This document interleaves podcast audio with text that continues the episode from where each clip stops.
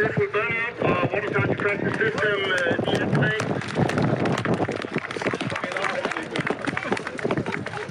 Det var så et boosterbøn. Det ser ud som om, at det er gået, som det skal. Det der nu sker, det er, at øh, vi afventer fuld udbrænding af motoren. Der er ingen, der går tæt på. Og så øh, vil der ske en sikring af data. Motoren køler lidt. Og så er vores montør gået i gang med at øh, demontere motoren og sætte den øh, væk. Og så bliver den næste motor monteret. Vi regner så med, at næste affyring er kl. 14. God eftermiddag og rigtig hjertelig velkommen til Halløj i betalingsringen. Det er torsdag, og det betyder, at øh, vi jo vanen, som vi er ved at skabe, men forhåbentlig bliver vanen tro, at vi har en gæst og et portræt. Og i dag, der øh, sidder vi i Fifi, autocamperen, vores dejlige rullende redaktion, og til, øh, til formiddagskaffe og med øh, gæstens medbragte snold, skal jeg byde velkommen til gæsten, som er Christian von Bengtsson. Hej Christian. Hej Simon. Og tak fordi du ville komme forbi. Det var en fornøjelse, jeg har glædet mig. Og jeg har glædet mig rigtig meget til, at øh, du kom. Du er jo en, øh, en del af, af meget, men blandt andet den største del øh, af Copenhagen Suborbitals. Ja, raket, øh, raketbutikken. Du... det starter godt. Det er sjovt. Du er en del af raketbutikken. Ja. Og det kommer vi... Øh, Ja, det kommer vi nok måske det, det, det er jer, som skal sætte øh, København og Danmark for alvor på, øh, på, på verdenskortet i henhold til at være aktiv i rumfart. Ja, projektet lige nu, som vi jo arbejder på fuld tid, jo mig og min uh, marker Peter Madsen, det er jo at lave vores egen rumraket og skyde os selv ud i rummet. Og det er jo øh, det er ting, som jeg kan lide, og som vi jo på stationen støtter 150 procent. Eller i hvert fald for programmet Halløjbetalingsringen støtter sindssygt Ja, meget. At, øh, det er vi glade for at høre. Ja, nu starter vi med Peter Madsen, så ser vi, hvordan det går. Så, øh... Men øh, støtte, støtte fra Radio 24 det er dejligt. Øh, Christian, hvor er du fra i verden? Jeg er født på Rigshospitalet i 74, og så øh, har jeg boet øh, i Kirke Værløse lige i mine aller yngste år, eller så har jeg vokset op i Hillerød. 34, dobbelt 0. 3400, som så nu har øh, lavet en raketdoktor, udover selvfølgelig også har lavet den gale pose. Ja, netop. Det er vel to af de vigtigste ting, Ja, det vil jeg nok mene. Det er nok noget af det største, der er kommet ud af, Af Hillerød. Hillerød ikke? Af 3400. Øh, øh, og så er jeg så på et eller andet tidspunkt stukket af til øh, København i 94 måske, tror jeg, det har været. Så har jeg været her lige siden, og så har jeg været lidt rundt omkring i verden. Men øh, her har vi base her. Almindelig, øh, almindelig folkeskole øh, og... Helt almindelig folkeskole, den lidt øh, brølede folkeskole faktisk, på Østegnen i Hillerød, hvor at alle ruderne var af plexiglas, fordi at øh, de blev trætte af at, at investere i nyt glas, der hele tiden skulle smadres. Så det, men det var sgu en øh, fin skole. Jeg, øh, jeg, jeg nød det faktisk rigtig meget. Jeg havde en god skolegang, øh, og øh, gode venner. Har egentlig altid har egentlig haft nemt med skolen og sådan noget. Så øh, det, det passede mig fint. Og så derefter den lidt... Øh, jeg kommer over fra en relativt borgerlig, akademisk familie. Så det var jo gymnasiet bagefter. Det lå bare ligesom i, i kortene, og det passede mig fint. Så jeg har også gået på gymnasiet i Hillerød.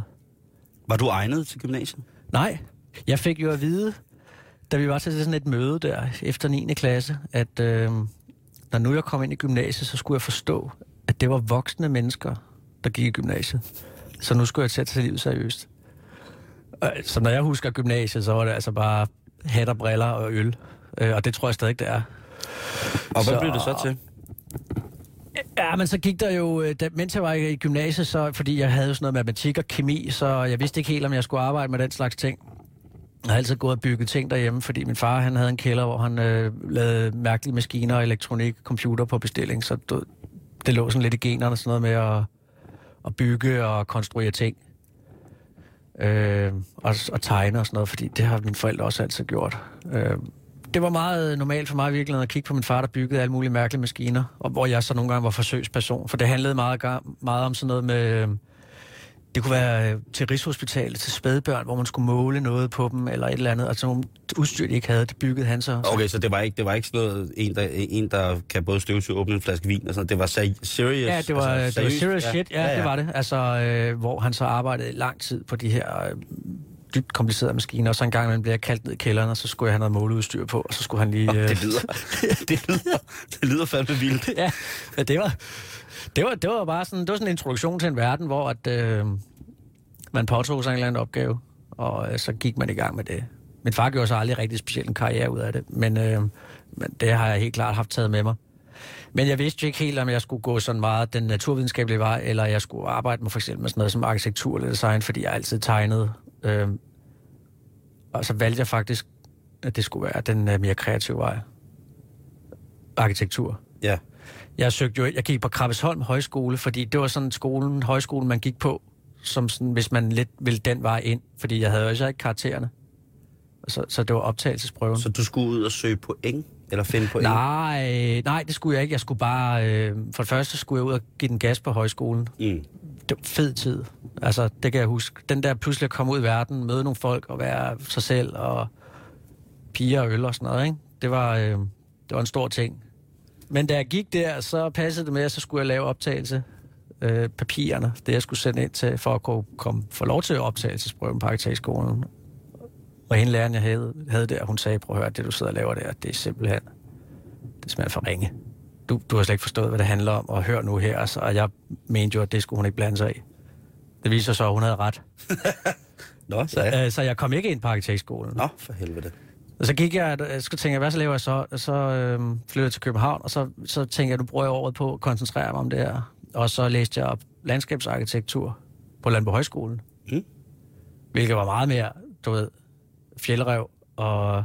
Guitar. Ja, så det var helt klart et fag, jeg slet ikke egnet til.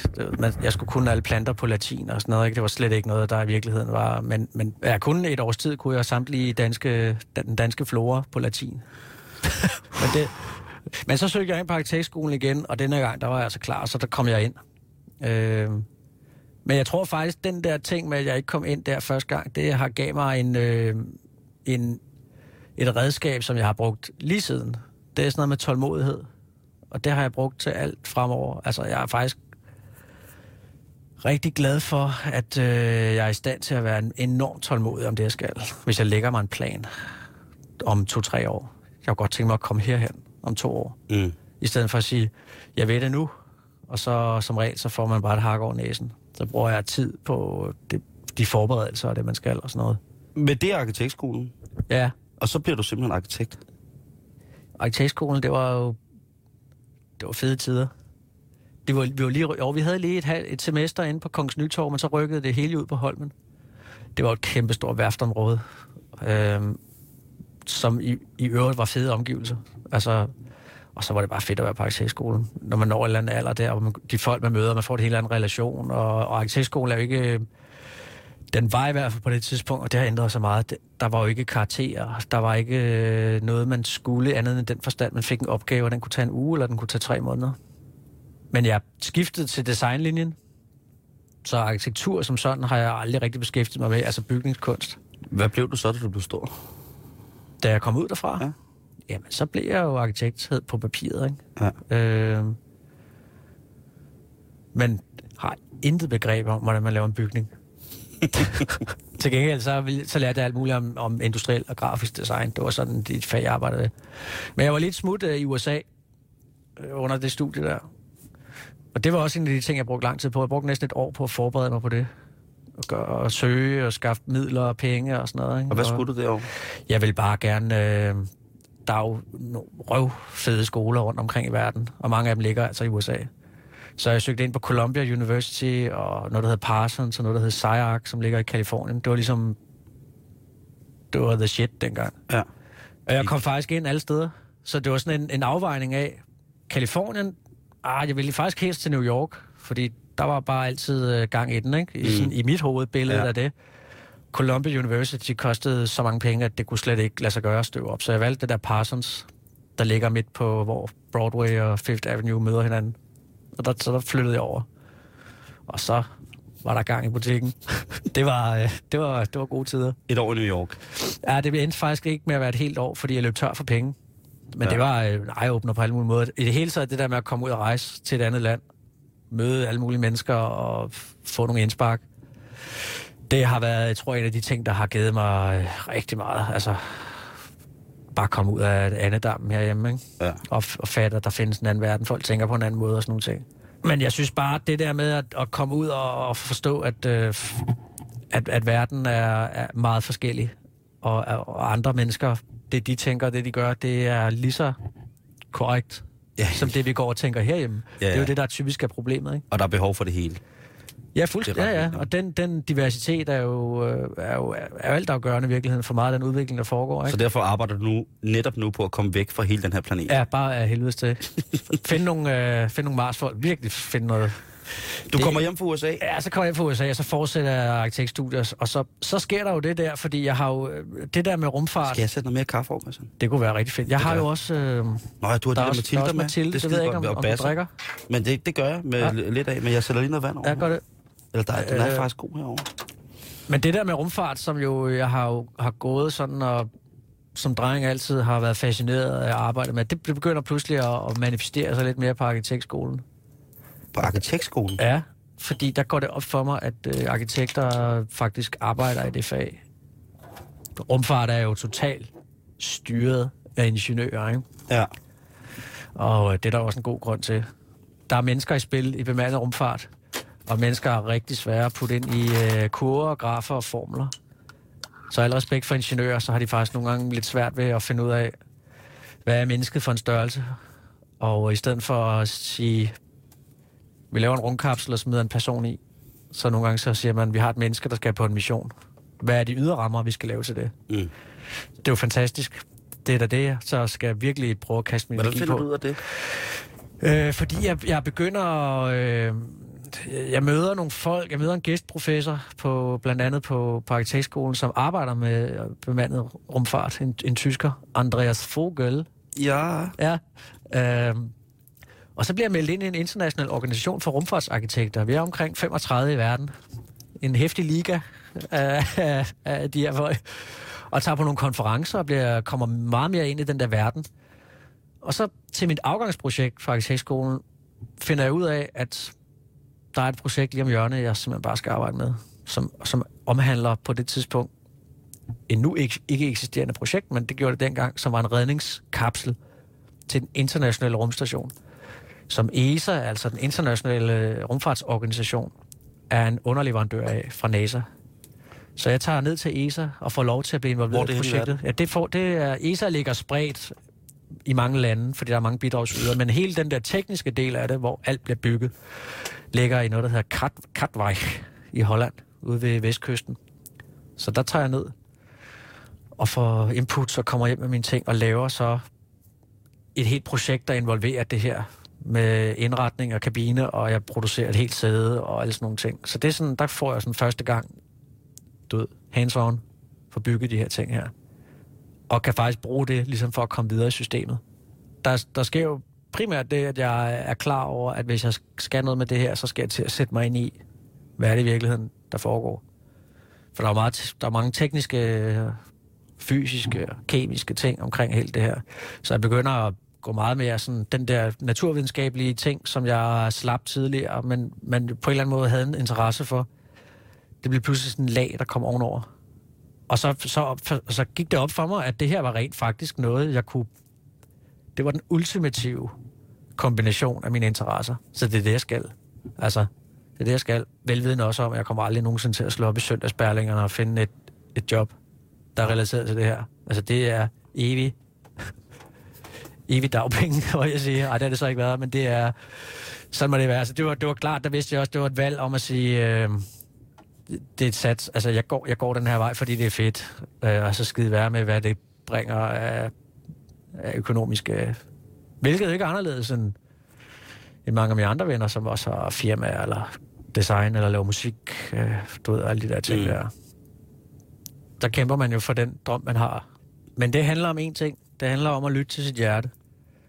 Fordi ja. hvis, hvis, du, hvis du gør det hele tiden, øh, og ikke lytter til alle de der ydre stemmer, men lytter til, hvad det er, du gerne vil, så, øh, og, og følger den vej, så vil man jo altid nå på en eller anden måde derhen, som passer til det, man har i sig. Mm.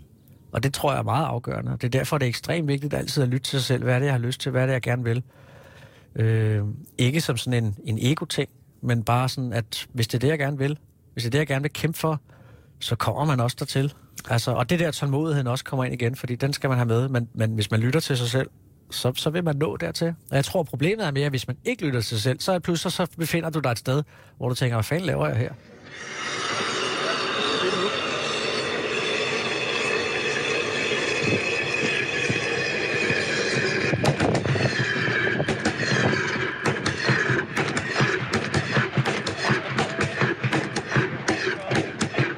Vi har en anomaly, øh, men det øh, os til at tage nu.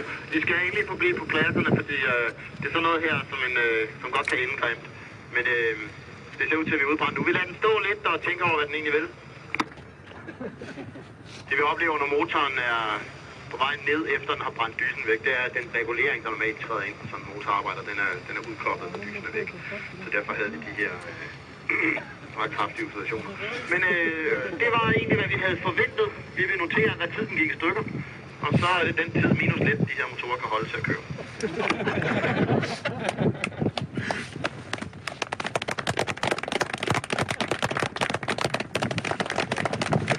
Det var en afveksling at opleve noget, der ikke var helt nominelt. Var der noget, der ændrede sig, da du blev far? I henhold til dine drømme om det her? Nej, nej, det, nej, det synes jeg faktisk ikke. Øh, det, er der jo, det, der jo så bare ændrer sig, som er jo helt naturligt, det er lige pludselig, at du får, øh, du bliver ansvarlig for nogle andre. Der er noget tid, du er nødt til at bruge på nogle små væsener, der kommer. Om det så er at følge i børnehaven, eller hente, eller hvad det er. Øh, det er jo sådan i virkeligheden bare den mest markante ændring, der sker i virkeligheden, hvor du skal få det til at passe sammen. Men, men jeg har virkelig tit tænkt over, at hvis jeg ikke havde min kone, hvis jeg ikke havde Carla eller mine drenge, så havde jeg måske arbejdet mig selv ihjel. Altså fuldstændig. Så øh, jeg, på en eller anden måde, så er det også sådan en, øh, en, en støtte at stille sig op af, som er med til at normalisere ens øh, rytme, eller det, man i virkeligheden kan, fordi øh, man er også god til at overkøre sig selv. Det har jeg jo selv prøvet mange gange. Og der er jeg faktisk rigtig glad for, at jeg på en eller anden måde er tvunget til øh, at være en, og, at, at køre nogle rytmer, som får tingene ned på et niveau, som jeg kan mærke, fordi jeg nærmer mig jo 40, ikke? Øh, Ja, og så er det jo slut, Christian. at der, ikke- altså, jeg har jo fået lavet sådan en total DNA-scanning af mine, øh, af mine DNA-spor, så jeg ved, hvad jeg kommer til at dø af. Og Så jeg er langt over halvvejs. Så det gælder bare om at give... jeg fandme også, er. Nej, øh, nej men, men øh, det, er, det er klart, det, det er en kæmpe omvæltning at, at blive far, og, og det kan være jo dybt frustrerende på alle mulige områder. Øh, specielt så er det jo sådan noget med, for mig der groede børnene på mig over noget tid. Der er sådan en, en forventning om, at der er en ubetinget kærlighed til børn, lige så snart de dukker op. Det er ikke sikkert, det er tilfældet. Det kan godt være, at du synes, at det, altså, du, det er dine, og du tager dig af dem og sådan nogle ting. Men det er ikke sikkert, at du kan... Du har den der uendelige, forherlige, Hollywood-agtige øh, kærlighed til dine børn, før de har været der et stykke tid. Sådan havde jeg det i hvert fald. Jeg holdt selvfølgelig af dem. Det, det tror jeg, der er rigtig mange, der har. Det tror jeg, bare, også, der er men meget, det, meget få, det tror jeg, jeg tror, ja, jeg tror, der er mange, der har det. Men det er bare, øh, det, sådan bør, skal det ikke være ifølge normen. Altså, man, det skal være sådan, det er ens børn, dem elsker man bare fra dag to. Men for dag to, der står det bare med sådan en kødklump, der skider og brækker sig hele tiden. Og det er ikke sikkert, at, at der er plads til den kærlighed i hele det der hudier for børn. Den er så til gengæld kommet rigtig meget. Altså, jeg glæder mig hver, hver dag, jeg henter mine, øh, mine børn, og jeg nyder at være sammen med dem. Altså, jeg elsker dem virkelig. Altså, så det er vokset på mig. Øh, så der, så er jeg glad for, at jeg har dem. Virkelig. Ved de, at far han er sådan lidt en skør videnskabsmand? De ved udmærket godt, hvad jeg laver. Øh, det er der ingen tvivl om. Og så det er ikke fordi, jeg, jeg prøver på ingen måde at pådutte den, at de skal noget eller gøre noget. De må blive præcis, hvad de vil. På nær kristne. Men, nej, nej, de, var, de, de, de, de må blive præcis, hvad de vil. Øh, men det er klart, de kan ikke undgå at lade være med at, at snakke nogle gange om de her ting her. Øh, det har været lidt svært for dem på et tidspunkt, fordi de har fortalt ned i børnehaven, at far lavede rumraketter, og det var der ingen af pædagogerne, der troede på. Så de troede selvfølgelig bare, at de stod og fortalte røverhistorier, indtil de fandt ud af, at det var, det var rigtigt nok. Nu vi snakket om, at du er far og familie og sådan noget. Det var måske lidt en afspring. Jeg tænker på, hvad sker der, efter du er færdig med øh, arkitektskolen i København. Ja, så sker der faktisk det, at øh, jeg går og arbejder rigtig meget med alt det her rumfartshalløj. Tegner nogle ting og tager på nogle konferencer rundt omkring i verden. Øh, Og gør det det selvstændigt? det gør jeg selvstændigt, fordi der er ikke nogen anden måde at gøre det på. Altså, jeg, er- jeg er helt klar over, at hvis jeg vil den her vej her, så er det noget, jeg skal, 100% selv skal kæmpe for. Så jeg prøver, jeg finder alle mulige ting, der er relateret til det her. Jeg tager blandt andet til Utah og bliver lukket ind i en, en, en Mars-base i 14 dage, hvor man ikke må gå ud, medmindre man har rumdragt på. Du ved, der, der findes en masse af sådan nogle øh, ting rundt omkring i verden. Altså, hvad gør du? Du tager, du Ja. tager til Utah, mormonernes hovedstad. Der, derovre, der har James Cameron fundet et site, hvor der er en organisation, der har, der ligner fuldstændig Mars. James Cameron, det er øh, Ja, filminstruktøren. der, der er et sted derovre, der ligner Mars fuldstændig. Mm. Helt øde. Der er heller ikke noget i nærheden. Der er nogen, der har bygget en Mars-base, som bliver brugt som et simuleringssted til at, at øve alt muligt, simulere alt muligt. Nogle gange rykker NASA ind og tester noget, andre gange er det, er det, er det, er det folk i de her grupper, der bliver sat op. Og der var jeg så med på sådan en tur, hvor man er seks mennesker, der bliver spærret ind i sådan en tønde i 14 dage. Hvad skulle jeg lave der?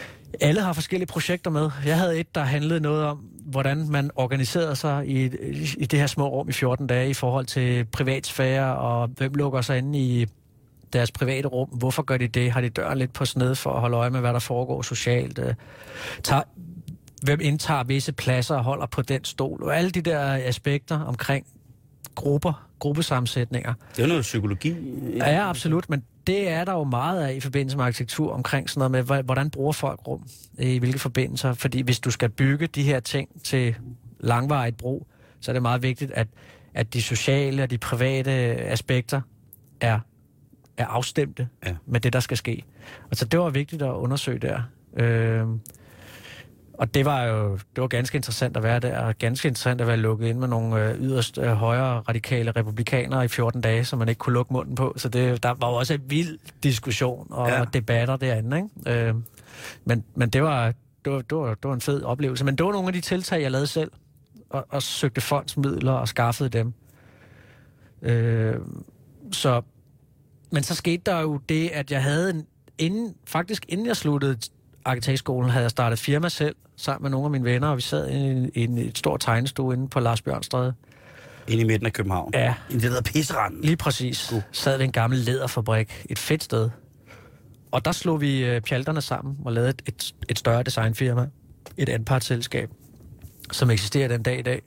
Så ved siden af alt det her rumfartshalløj, der havde jeg faktisk en, en fuldtids design vi prøvede at køre op, hvor vi lavede industriel og grafisk design, som vi sådan semi kunne leve af. Mm. Og der så, da jeg så tænkte, nu skal det være, altså, det kan ikke blive ved med at være sådan en, øh, en side fuldtidsting, også det andet. Nu skal det være det her rumfart fuldstændig. Så tænker jeg, hvad er det fedeste? Hvor, hvor skal det, hvis jeg vil det her med mand og rumfart, hvor skal jeg hen? Og så bliver jeg enig om, jamen jeg vil prøve at komme på NASA. Øh, og så kom, trækker jeg tålmodighedskortet igen og tænker, okay, hvad kræver det? Og den nemme, for jeg kan ikke bare ringe til NASA og sige, hey, kan jeg komme over, og du ved, så bliver røret lagt på, ikke? Ja. Så jeg lagde en strategiplan, som hed, øh, for at komme på NASA, så er den bedste vej, det er at tage på et rumfartsuniversitet, der ligger i Strasbourg, tage en mastergrad der, I Frankrig? ja, Ja. tage en mastergrad der, og for at gøre det, skal jeg søge alle de her fondsmidler. Jeg skal have taget noget skriftlig engelsk kursus for at blive bedre til det, for jeg var hyldende dårlig til skriftlig engelsk i gymnasiet. Øh, og så skal jeg ligesom den vej igennem og søge omkring alt det. Så det var sådan en toårig proces for at søge penge, søge ind på den skole, flytte til Frankrig med min kone. Ja. Og, øh, og tage den mastergrad, som var pakket ned på et helt år. Og det var benhårdt. Hvad Øh, bliver man så master i, når man... Øh... Space Science. Undskyld, jeg griner. Det lyder fandme vildt. Ja, ikke? And the master of space. Og i den her proces, der hører til historien, at min øh, fantastiske kone, hun jo giver mig rum til det her. Og hun er færdig på filmskolen på det tidspunkt. Hun er- er en animationsinstruktør. Øh, og vælger at sige, jamen, det vil jeg gerne gøre for dig, det her. Så det var jo en stor ting, Altså, Ja, hun gjorde det. Øh, og, og flyttede med mig til Frankrig. Hun var jo øvrigt gravid. Så vi fik vores første barn dernede. Og der var vi stadigvæk unge og kække og tænkte, vi kan klare det hele, så vi tager til Frankrig. Jeg læser det der. Vi får et barn dernede. Øhm, og set i bagspejlet, der var det for stor en mundfuld, simpelthen for os, tror jeg. Mm. Men det lærer man, det lærer, det lærer man jo af, og så må man... Øh, det kan vi jo så ikke lave Og du blev Master of Space. Jeg, jeg blev Master of Space, og vi fik en søn. Og vi spiste meget god ost. Da jeg var dernede, så åbnede det døren til NASA. Så vi fløj fra Strasbourg til Houston, hvor man flyver. Og så var jeg der. NASA er jo spredt ud over mange stater, men Mm. Houston Space Center, Manned Space Flight, det er der, der sker. Der arbejder 15.000 mennesker i en stor by med egen gader og kanonhøje huse og bygninger med Det er rumskibe. jo by uden for og, byen. Det er ja, det ligger faktisk ikke i Houston, det ligger noget, der hedder Clear Lake, øh, hvor du har alle vilde kvartererne omkring, at der alle ingeniørerne og astronauterne bor og sådan noget. Og, så det er sådan et helt område, og alt hedder selvfølgelig The Space Café, og du ved, det, hele, det hele er omkredset af det der, ikke? Og det var et vildt sted. Altså, det var Men det. du tager dig over, tager du derover, fordi du faktisk har noget, du skal lave derovre? Ja, eller? jeg, bliver simpelthen, jeg kommer simpelthen på et projekt derovre, som er en del af et månelanderprojekt. Så lige pludselig så står jeg der og er med i en udviklingsgruppe, hvor vi skal bygge en, en i real scale en månelander. Og hvad er det? Øh, ja, men på det tidspunkt var NASA jo... Øh, havde de fået oprejsning igen, fordi den ellers... Øh, så spørger mig skumle, George Bush havde lavet en god ting overhovedet i sit liv. Det var, at han skabte det, der hed Space. No, the, the Vision for, the, for Space Exploration. Og det var simpelthen, at NASA skulle rejses igen. De skulle tilbage til månen, de skulle til Mars og videre. Så NASA havde pludselig igen, efter dekader af total hat og briller, et samlet mål for bemandet rumfart. Og det hele rejser, og alle var på igen. Det, det har Obama så lige sløjfet, ikke? Ja, Men sådan er det. Men, så det betyder, at det kom i gang igen. Så øh, jeg endte med at være på sådan et månelanderprojekt, hvor vi byggede månelander og havde store arbejdsgrupper og arbejdede med astronauter og byggede også nogle ting til den internationale rumstation og arbejdede med nogle... Øh, og alt sammen relateret til mennesker, interiør, kabiner, bro. Kan jeg, man jeg får gåsehud, når du fortæller det, for jeg tænker sådan, det må have været...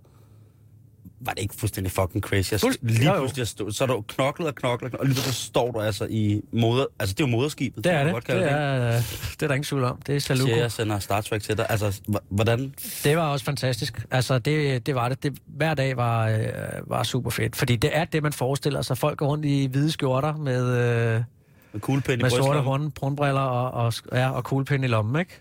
Øh, og så er der bare... Der er altid en bygning, hvor det ryger ud fra, eller der er altid nogen, der laver et eller andet, og der kører nogle mærkelige biler, månebiler rundt på området. Folk Lugter tester ting. Nej, det gør der faktisk ikke. Okay. Men for hver bygning, man går ind i, skal man have et specielt kursus, at hvis den springer i luften, eller det der siver ud, så skal man hoppe ned i den skagt, eller trække det bruserhåndtag og sådan noget. Der er fuld knald på. Så det er... Øh... Til gengæld så tog jeg 10 kilo på. Houston. Fed mad, meksikansk mad, smagte jo herregodt. Houston og Atlanta, det er jo altså nogle, nogle hovedsteder i nogle bibelbælter, som Ja. altså er hævdet af... Nu sagde du selv øh, højre, lidt lettere højreorienteret republikan. Det er det. Øh, og de har visse rettigheder, de holder højt. Altså, man må ikke gå med skjulte våben. Så når folk går i supermarkedet, så har de som regel bare våben stikkende ud af, af lommen, Ja. så man kan se det. Og det, øh, så det er meget normalt, når man pakker sin, øh, sin kæmpe SUV, der er Selvfølgelig. 4 meter høj, med sin brown bags, så stikker selvfølgelig en øh, Magnum 45 ud af baglommen. Til gengæld så jeg ikke en eneste lækker kvinde i, øh, i den tid, der var noget, Men det var i øvrigt også en kulturel oplevelse, fordi faktisk så boede vi i sådan en... Det alt er sådan nogle enklaver med sådan nogle øh, havelåger og nogle pools og nogle palmer.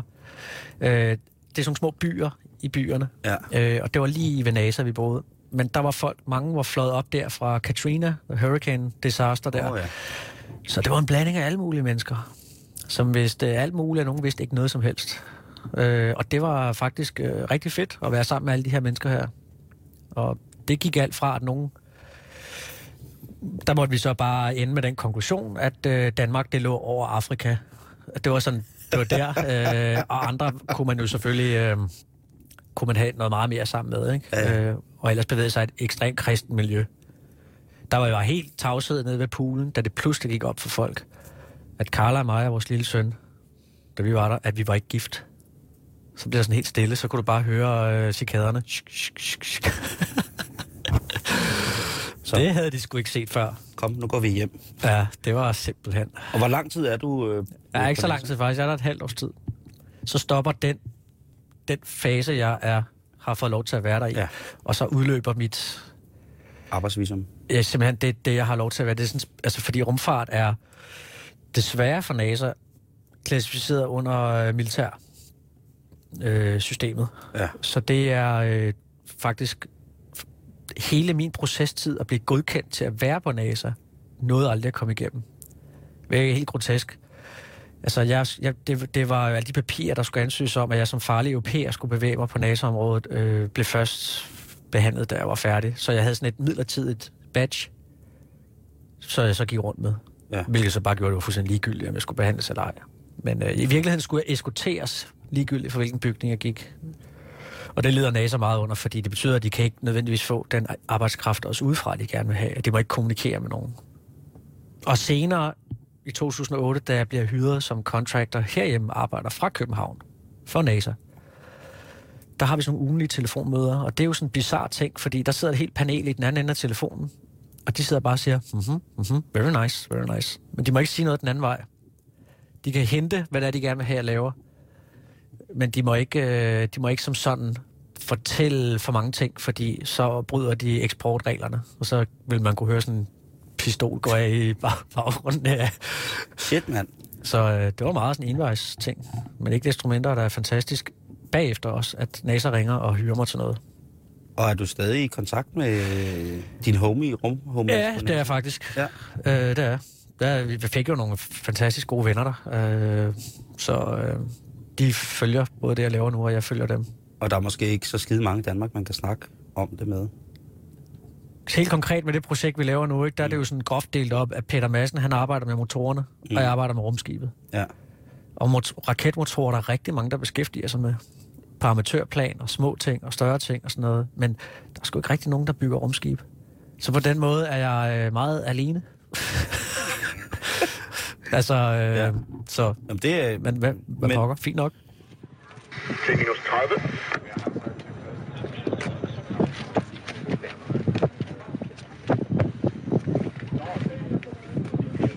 Tyve, 19, 18, 17, 16, 15. Water sound suppression system activate. 13, 12, 11, 10, 9, 8, 7, 6, 5, 4, 3, 2, 1, 0.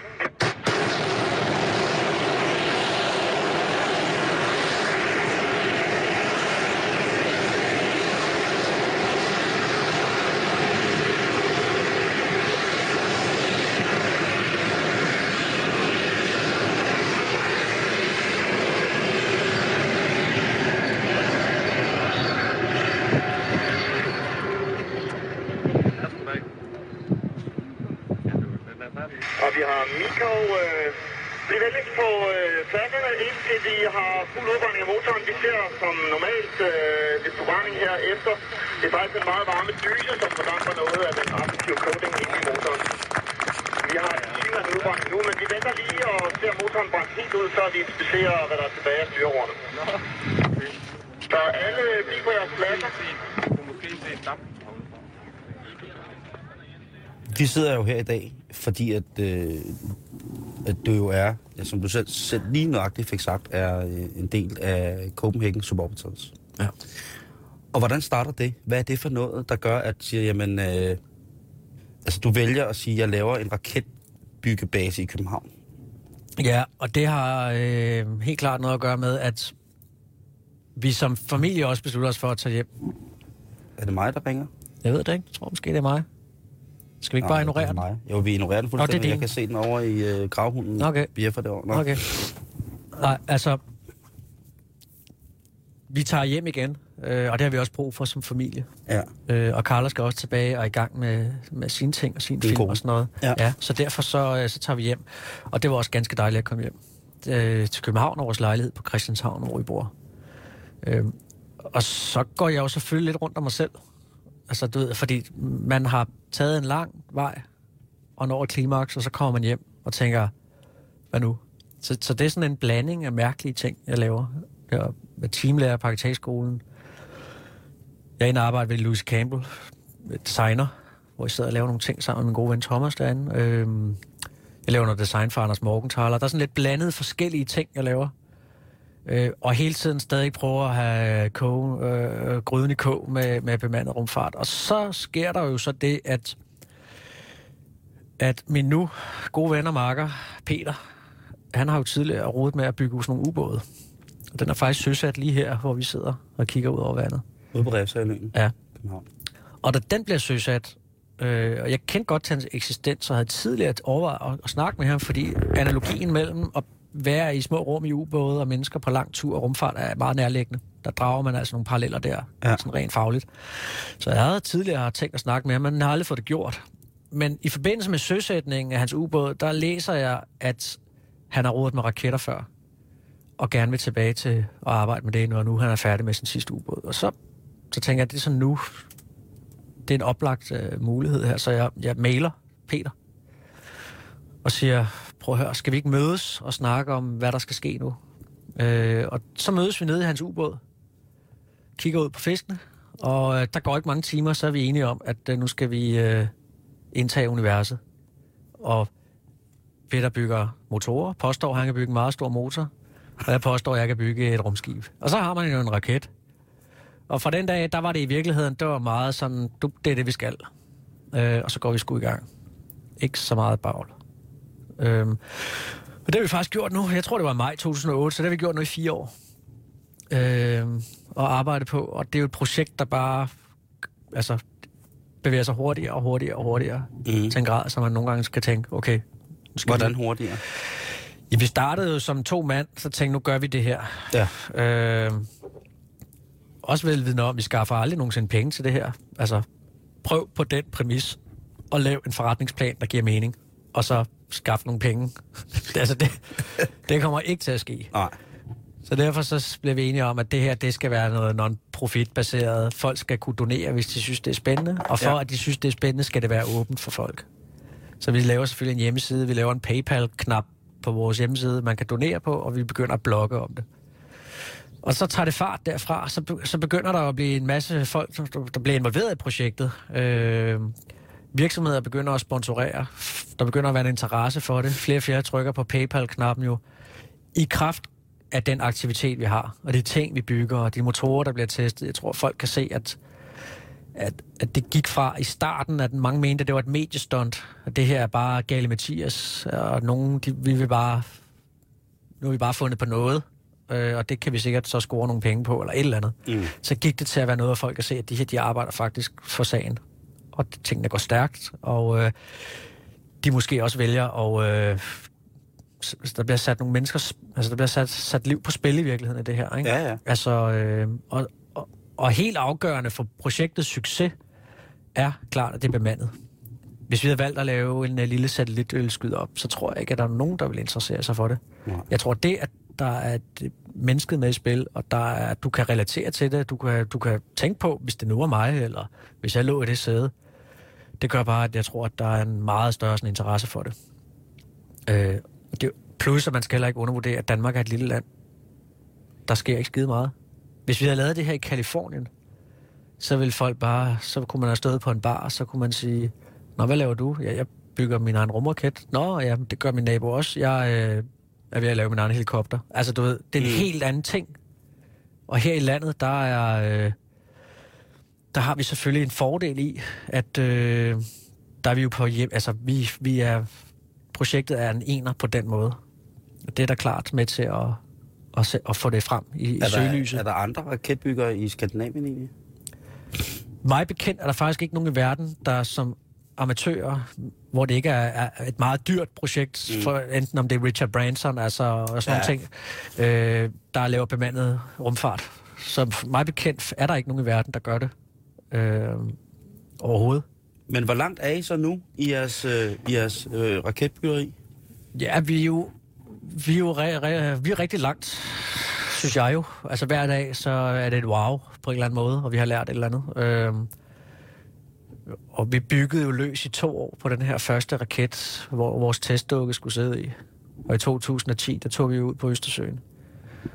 Og havde næsten 2 millioner seere live på TV2. Hvilket jeg personligt synes var fantastisk, fordi det var ikke en fodboldkamp. Det var et, et videnskabeligt projekt. Og det synes jeg var fantastisk, at der var så mange mennesker, der så sad og gad at se på det. Jeg så det. Og der skete jo ikke en skid. øh, jeg har sjældent været så skuffet, Nej, Christian. det er det. Von Bengtsson. ja. ja. Så tager man hjem. Der var legnet op med, med helt store og, Jamen, altså- og, og klar på, på mail og Twitter på, at nu skulle... Øh, og så sker Var der du på bare, Twitter allerede der? Der sker absolut lige... Altså, Ikke en skid. ej, det var øh, virkelig... Hold kæft, for skete der ingenting. Nej. Hvordan havde du det der? Ja, faktisk... Øh, det er jo, det er jo, øh, det er jo, det er jo med en af præmisserne, når man arbejder med raketter. Mm. Og helt almindeligt. Det er ikke for sådan at sidde og undskylde for tingene, men, men det er helt almindeligt. Det er klart. Øh, man skal lære også i projektet, at når der er en masse fokus på det, og man så bliver plantet i aftenshowet med det samme, så skal du sidde og forklare, øh, hvorfor. Mm. Øh, og der er det ikke sikkert, at, at undskyldning om, at det er helt almindelige rumfart, og det sker er god nok for folk. Øh, så, så bliver der hurtigt fundet et eller andet. Der var jo en famøs hårdtør med, i, der var installeret i raketten på det tidspunkt, som, som skulle noget. Og den, det var jo ligesom det presseomdrejningspunktet, at, at godt nok er det en hjemmebygget rumraket, men der var sgu også en hårdtør med i spil i, som, som, og den, den fik jo enormt meget presse, selvom den rent faktisk ikke har noget med sagen at gøre. Ja.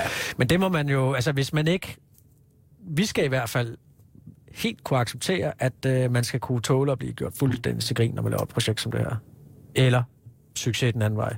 Det gælder jo ikke ligegyldigt, hvad man laver. Altså man skal kunne tage, Jeg synes, Op og ned. jeg synes at øh, det hele øh, indtil videre er en kæmpe succes, fordi I gør det. Ja, jeg har heller ikke oplevet Og- og nogen det- presse, der har været ondt mod os faktisk. Nej. Jeg har ikke oplevet det endnu. Jeg kan ikke sige andet, end jeg sad virkelig og grinede, da Ja. der ikke skete noget.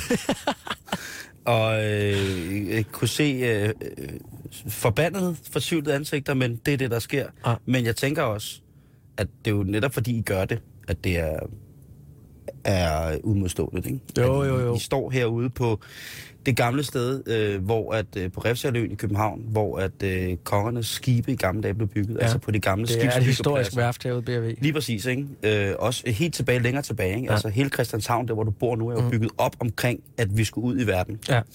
øh, med den danske flåde. Og øh, halvdelen af vores øh, totale skovdød i Danmark er jo øh, Det er på Baseret- herude her. Ja. baseret på, at det er blevet hugget til flis herude, lige hvor vi sidder. Så selvfølgelig skal der også bygges rumraketter herude. Ja, det, det er da klart. Øhm. vi er nødt til at tage den op, ikke? Og videre. Men hvad, nu, jeg sad jo sådan og tænkte på, øh, da vi sad og så, da jeg sad og så op, Ja. ja. jeg sad og så klippet igen i går, så sad jeg og tænkte, altså hvad, hvad var succeskriteriet for liftoff? Altså, skal, hvor langt skal I ud? Skal I, altså, hvor, der skulle I have været helt ude i rummet der? Nej, det skulle vi ikke. Øh, succesen var, at det bare løftede sig. For at lave sådan en operation på vand, en ting er at bygge det, men at styre skibe, helikopter, lufte, lu- lukke luftrum, afspærre noget af Østersøen, øh, og sørge for, at man har styr på tingene, så det også fungerer sikkerhedsmæssigt ansvarligt, er en kæmpe operation. Så, så det var lige så meget øh, operationen, der også skulle være en succes, altså udførelsen af den. Og så skulle den selvfølgelig bare have lettet.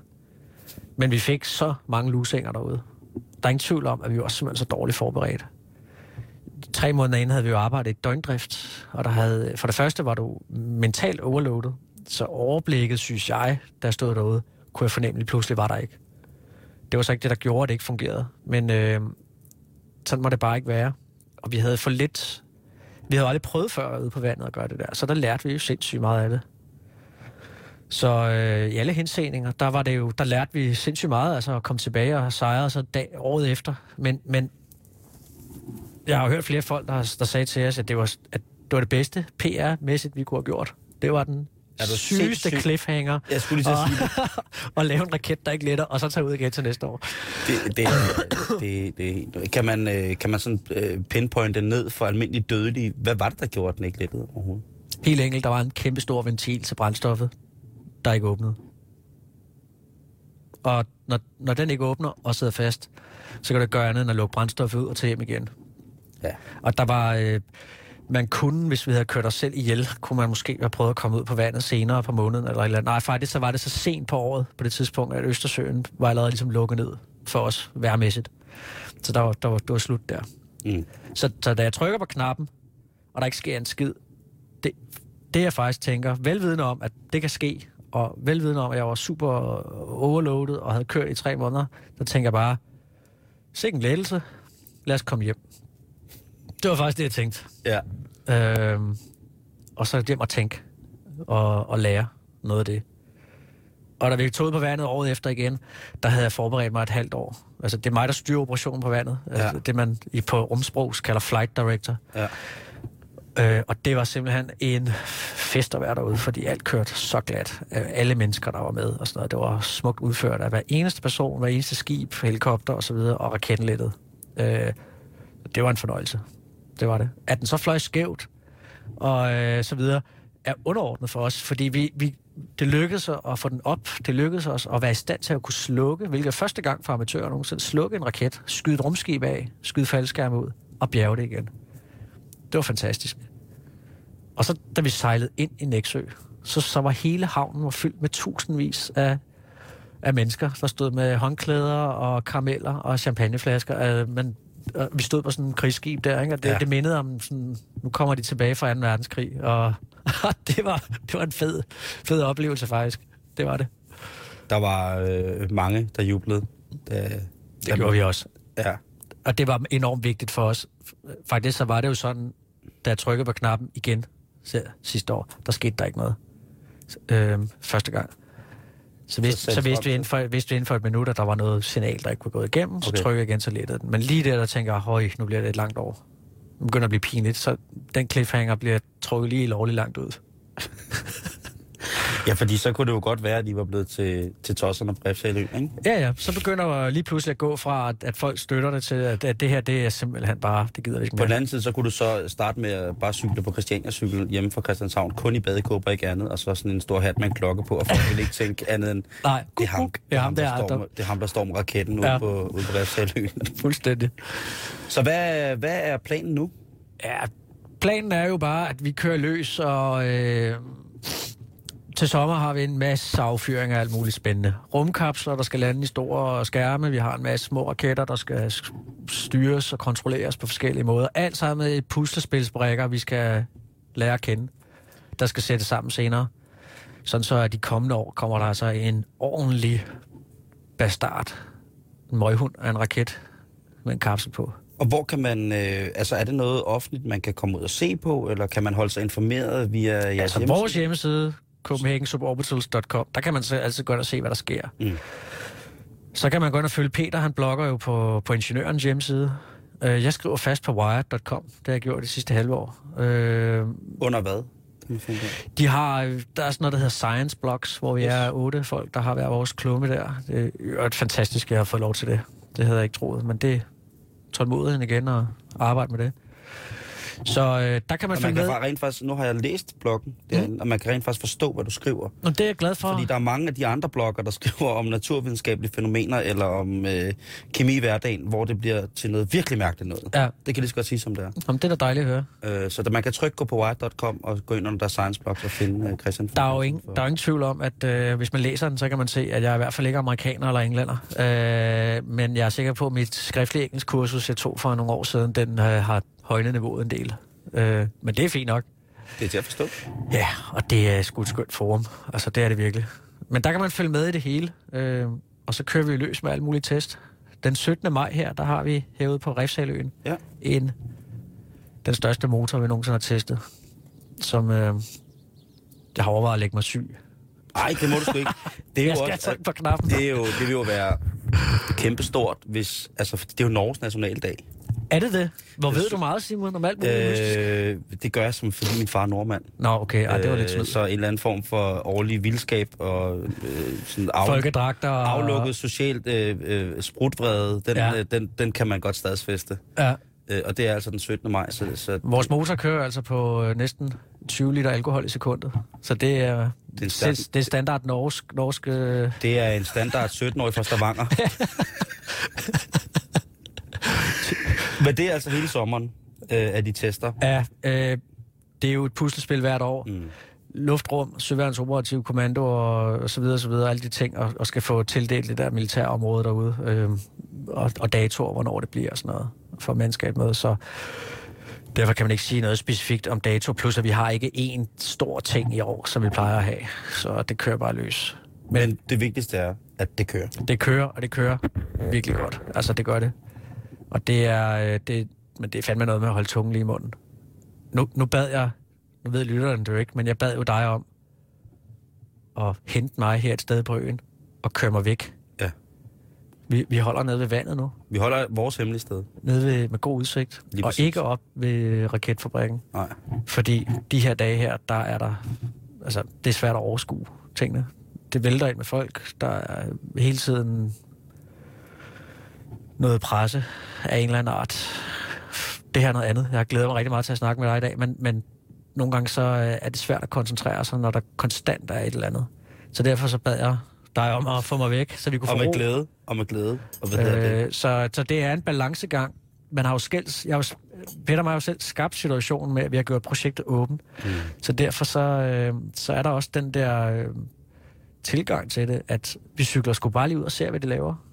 Vi har mange gange stået derude i hallen på et whiteboard og diskuteret, hvordan skal de her antenner være monteret. Så vender man sig om, så står der 10 mennesker bag en og, og følger med. Og man aner ikke, hvem de er. Som om det var sådan en åben øh, forelæsning. Jeg var gået amok. Det gør vi også nogle gange, og det er jo meget uheldigt. Men en gang Ja. imellem, så, så, så flyder det over. Kan kraft Og så smider vi folk ud og lukker vi porten. Øh, og sætter et skilt ud, hvor der står, og minestræbet. Go away. Ja, ja. Det, Eller og, er og, ikke og det er jo, og, og jeg håber selvfølgelig, at folk forstår, at det er simpelthen fordi, at øh, vi, vi er jo indtrådt nu i en periode, som jo for det første er godt vejr, folk vil gerne ud, men vi har mega travlt, altså. Øh, og vi finder som regel balancen, men den er svær, man skal selv finde den. Altså, jeg er jo øh, entusiast. Jeg har jo aldrig været rumentusiast, før at øh, I gik i gang med, Og med det de er godt at høre, du er... Jamen, jeg, er sgu faldet, jeg, altså, jeg har jo altid været fuldstændig vild med sci-fi. Ja, Øh, og jeg ved, at vi ikke er alene. Det er bare et spørgsmål om, før de kommer og sætter os på plads. vi skal ind og se Prometheus, skal vi ikke? Os to? Ja. Ja. Er du sindssyg? Hvor Jeg så, jeg så reklame for den forleden dag, hvor jeg var inde og se verdens dummeste film, uh, The Avengers, Ja. som så også, udover at være verdens dummeste film, er verdens bedste film. uh, men der var nemlig reklame for den her film. Jeg og og så det, det kan næsten ikke blive, altså det er jo også, øh, altså hvordan, det er jo sådan en anden dimension af det her rum, Ja. ja. med at, at lige pludselig så bevæger du dig konsekvent og realistisk i en verden, som er noget, har noget rent, øh, reelt i virkeligheden at gøre med, hvad der ja. er beyond, ikke? Jo. Altså, jeg elsker science fiction film. Øh, aliens film og alle de her. Altså, ja. Ja. også på grund af designet og stemning og sådan nogle ting. Ja. Ja. Altså, jeg vil ønske, at det gav mening at bygge rumskib, der ser sådan ud. Men det gør det ikke. Det gør det ikke specielt, men jeg, der er jo altid, man kan tviste lige de sidste ting i forhold til design og sådan noget. Og, og det er klart, nu bygger jeg jo mit eget rumskib. Så selvfølgelig skal jeg have et par laserkanoner på. Det er da klart. Så, ja, ja, ja. Griner du noget? Jeg griner, fordi det, jeg vidste jeg ikke. Kommer der laserkanoner? Jeg vil da købe sådan nogle øh, kraftige laserpointer, ikke? Og installere dem, så man indenfra kan sidde og skyde ud i rummet. Selvfølgelig. Fuldstændig ubrugeligt, men der skal der laserkanoner på ens eget rumskib. Øh, så er man nødt til lige at skubbe den selv, den, den retning der. Og så skal det jo, det skal jo gejles. Det, er, så det, det, der kommer fede logoer på, og alle de ting, der skal stå og sådan noget. Ikke? Altså, der er, der er den, det aspekt, er det også er meget vigtigt for os virkelig. Den æstetiske side af det. Ja. De billeder, vi skaber, når det der flydende ilt står og ryger ned ad siden af raketten. Ja. Altså de billeder, der kommer ud af det, og rumskibet, rumskibet er malet orange, fordi så er det nemmere at se vand, men også fordi jeg elsker fluorescerende orange. Ja. Jeg har nogle dråber her på dragten rundt omkring, med, efter jeg har malet. De billeder, det er noget af det vigtigste, der kommer ud af projektet, hvis du spørger mig. Mm. Og processen. Rigtig mange. Vi, øh, vi her i betalingsringen krydser fingre. Ikke fordi vi håber på, at det skal lykkes, for vi ved, at det skal lykkes. Yes, Men øh, vi øh, er også øh, vi er med hele vejen, det er godt at høre. forhåbentlig. Det, det er vi. Altså, det vil, altså, hvis, hvis, I, hvis I siger ja, så er vi med så langt, som vi kan komme. Jeg siger ja. I skal være med hele vejen. Christian von Bengtsson, det har været en udsøgt fornøjelse at have dig med her i. Tusind tak, fordi du var med. Og øh, gå ind, kære lytter, på øh, hjemmesiden, på, hvad hedder det, på copenhagensuborbitals.com og følg med der. Der er på wired.com, der er Christian von Bengtssons egen blog, under det, der hedder Science Blogs. Øh, og ellers så, høres vi ved i morgen. Nu skal I linje tilbage og nyde en omgang Radio 24-7 nyheder.